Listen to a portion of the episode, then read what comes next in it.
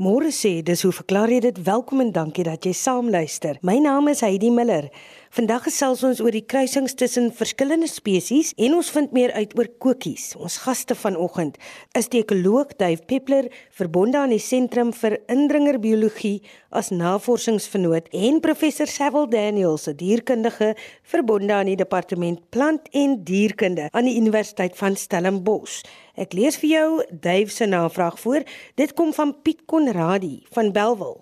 Met die inperking was ons baie meer bedag op ons onmiddellike omgewing en veral die voëls in die tuin. Ons merk toe dat verskeie koetjies van hul twintjies verloor het, sommige 1 of 2 en dan 1 al 4. Ons was die week op Hartenbos en daar was nou waarlik weer een sonder toontjies aan die linkerbeen en dan het hy 'n foto saamgestuur.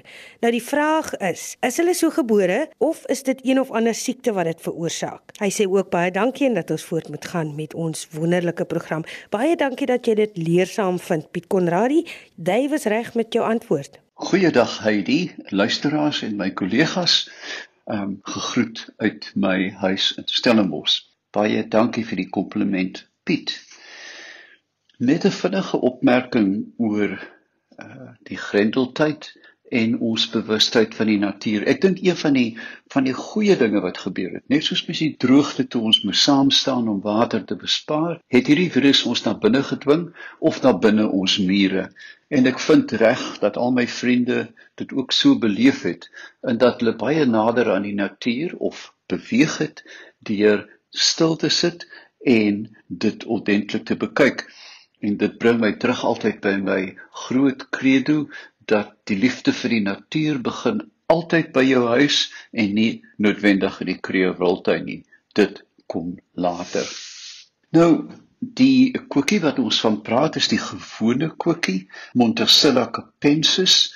Uh dis 'n alom bekende standvoël. Ons ken hom nou 'n delikate, medium grootte voeltjie, dun beentjies, smal bekkie, uh die pragtige swart beffie op die bors en natuurlik waar hy sy naam vandaan kry, die wagtail in Engels. Uh illustreer dit ietwat beter waar hy natuurlik of sy ook dan wanneer hulle stop gewoonlik na hulle gestap het dan wip hulle die stertjie op en af en hulle doen dit ook as daar 'n kat of 'n slang naby is of 'n uil. Hulle roepgeluide is 'n baie eenvoudige, baie weemoedige tweet, tweet, tweet, tweet, tweet, tweet, tweet en hulle eh, roep gewoonlik as hulle voorpaartyd eh, naby die nes is of as hulle buite die broeiseisoen saam slaap. Maar ons sal later daarby kom. Hulle kom wyd verspreid voort van Kapagulus tot in Kenia en ons is soos al te goed weet, bees kry hulle langs strome, poele, damme, rioolwerke, plaaswerwe veral waar daar klammigheid is. Hulle gedrag is ook interessant waar hulle ehm um, gewoonlik loop. Hulle hop nie soos mos, mossies nie. Ons het al van tevore daaroor gesels, maar wanneer hulle 'n vleiende insek raakloop, dan hardloop hulle verbasend vinnig op daai dun beentjies of vlieg baie laag oor die grond. Nou waar mense hulle ook natuurlik deesdae meer en meer raakloop, is by motorhawens en dan ook by die parkeerplekke van groot inkopiesentra. En dit is te pragtig om te sien uh veral in die somerreëngebiede waar dit warm is en daar baie insekte is. Dat die koekies wag vir die motors om te stop en dan met daai klein kraaloogies merk hulle natuurlik insekte wat in die verkoelingsrooster van die motor vasgevang is en so kan hulle op een plek um hulle trommeldik vreet by inkopiesentrums ek het dit onlangs weer by Appington gesien stap hulle letterlik van motor na motor en gaan half hulle heel uh, lekker maaltye uit die verkoelingrooster uit wanneer uh, uh, toestande gunstig is, kan hulle tot 4 maal die jaar broei. As een spannetjie klaar is, lê hulle weer eiers, gewoonlik 3 tot 4, uh, met kleintjies wat 14 tot 21 dae in die nes bly. Hulle word redelik gou uitgeskop en dan uh indien daar genoeg kos is, sal die paartjie dan weer broei in 'n baie baie slordige nes. Dis 'n groot, verbasende groot nes. Dit lyk byna na 'n miniatuur hamerkopnes groot grasbasis met dan 'n klein sagte koppie bo-in waarin die eiers gelê word. Nou voels in die algemeen is baie baie sensitiewe indikators van omgewingstoestande. Ons weet dat byvoorbeeld sekere voëls in fynbos sal verdwyn as die fynbos te oud raak. Ons dink hier veral aan die suikervoëls. Ehm um, met ander woorde die teenwoordigheid of afwesigheid van 'n voëlspesies kan vir jou veel vertel van omgewingstoestande. Ons onthou die ou storie en dit is tog waar van die kanarie in die steenkoolmyne as waar die Engelse uh, arme kanarie in 'n klein koutjie uh die die skagte ingedra het en as die kanarie dan um ophou sing het of van sy takkie afgeval het, het hulle geweet dat die vlakke van giftige gasse is so hoog.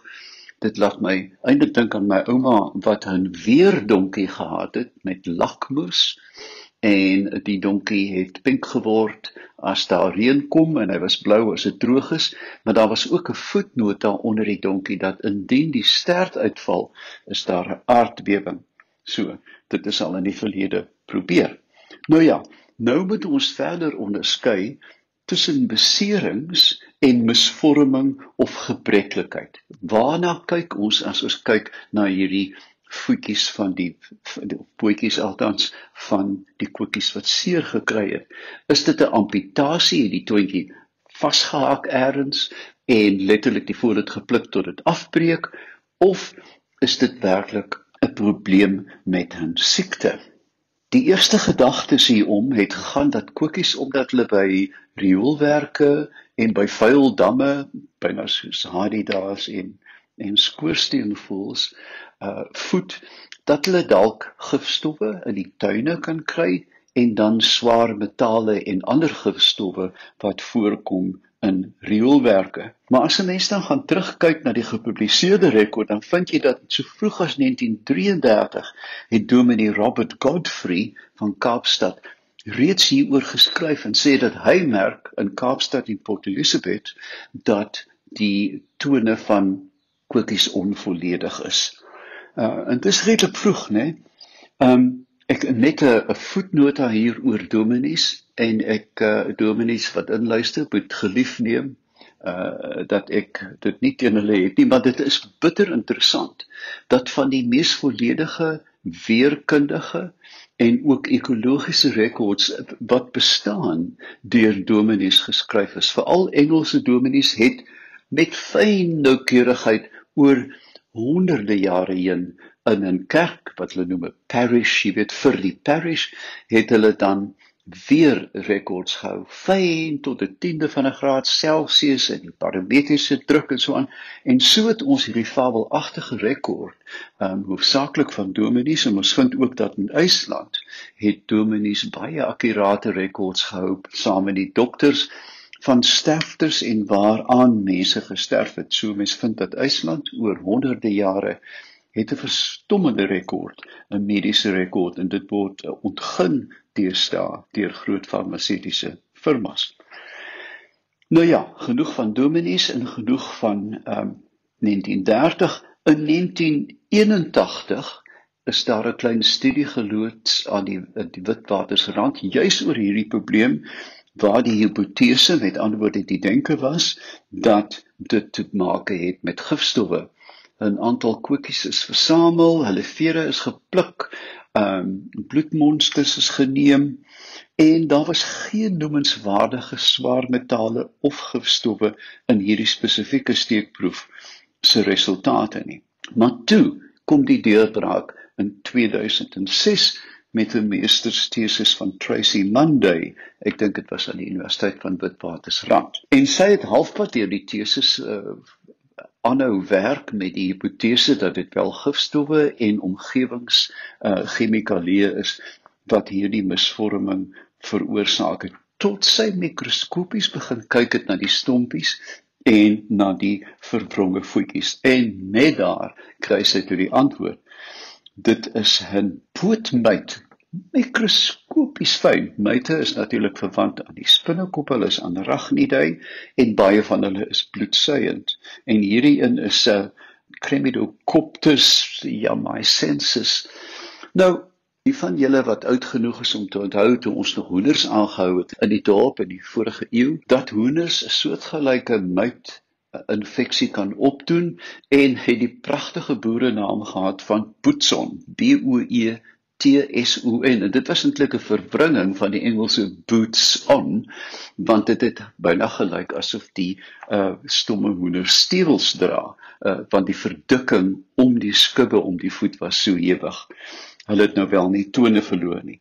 Maar nou weet ons dat daar 'n universeel, wel, ons praat van universeel landstye, um pool van hierdie muite is wat oorgedra kan word aan voëls wat dit nie het nie en die vermoede is natuurlik dat buite die broeiseisoen slaap koekies saam 14 15 20 op 'n slag en dat dit juis die plek is waar hierdie parasiet dan kan oorklim na 'n ander individu. Tog moet 'n mens jouself nie vryspreek van die roekelose gebruik van omgewingsgifstowwe nie veral in ons tuine nie want ek het nog altyd volgehou dat 'n gesonde tuin word deur twee voels reflekteer. Die hoep hoep dan as genoeg wurms vir hom en die koekie want daar is genoeg kossies. Ek hoop Piet dat dit jou vraag beantwoord Dankie Dave. Soos beloof, gaan Sewil Daniels nou verder gesels. Hy sal jouself vertel oor die vraag wat hy ontvang het. Goeiemôre aan die kollegas en goeiemôre aan die luisteraars. Ons het vanoggend 'n vraag van John Adams van Morgenson in Mpumalanga en hy skryf as volg: Ek rig my vraag aan 'n dierkundige, ekoloog of 'n bioloog. Dit gaan oor die kruisings tussen verskillende spesies en selfs genusse. 'n Blesbok en 'n bontebok kruis met vrugbare nageslag. Vaalkatte kruis met huiskatte. Nyalas en bosbok in die Tragelaphus, die genus, hulle kruis. Kudus en elande. En dan gee hy nog so 'n paar voorbeelde. Sy vraag is as volg: Watter rol speel genetika in wetenskaplike naamgewing en as ons weet van kruisings tussen verskillende genusse en spesies hoe gereeld vind dit plaas? Nou hierdie is 'n baie interessante vraag. Op die oog af as 'n mens net na um, die morfologie van diere kyk moet 'n mens onthou dat morfologie in die algemeen gebruik word in die algemeen gebruik was ook uit 'n historiese perspektief om diere te klassifiseer. Hibridisering of die uitruil van gene tussen twee verskillende spesies gewoonlik vind baie meer plaas wanneer die spesies baie na verwant aan mekaar is.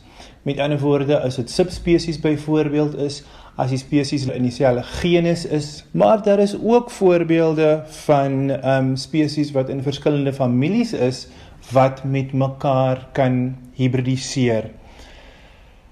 Ek dink ook dat dit belangrik is om daarop te let dat baie molekulêre werk, met ander woorde DNS werk, ehm um, deoksiribonukleïnsuur werk, molekulêre werk wat filogenetiese bome optrek vir groepe wys daarop dat baie van die historiese taksonomie ehm um, was nie noodwendig korrek nie maar kom ons los nou dit vir 'n ander dag. In die algemeen is die reël dat wanneer spesies uit 'n uh, evolusionêre perspektief uit baie onlangs ontwikkel het en filogenetiese sustergroeperings is met ander woorde baie na verwant is aan mekaar kan hulle baie maklik met mekaar kruis of hibridiseer en baie van hierdie kan ook vrugbare um, F1 generasie vorm. Maar in die algemeen moet 'n mens ook onthou dat vir 'n spesies is daar baie verskillende definisies en konsepte.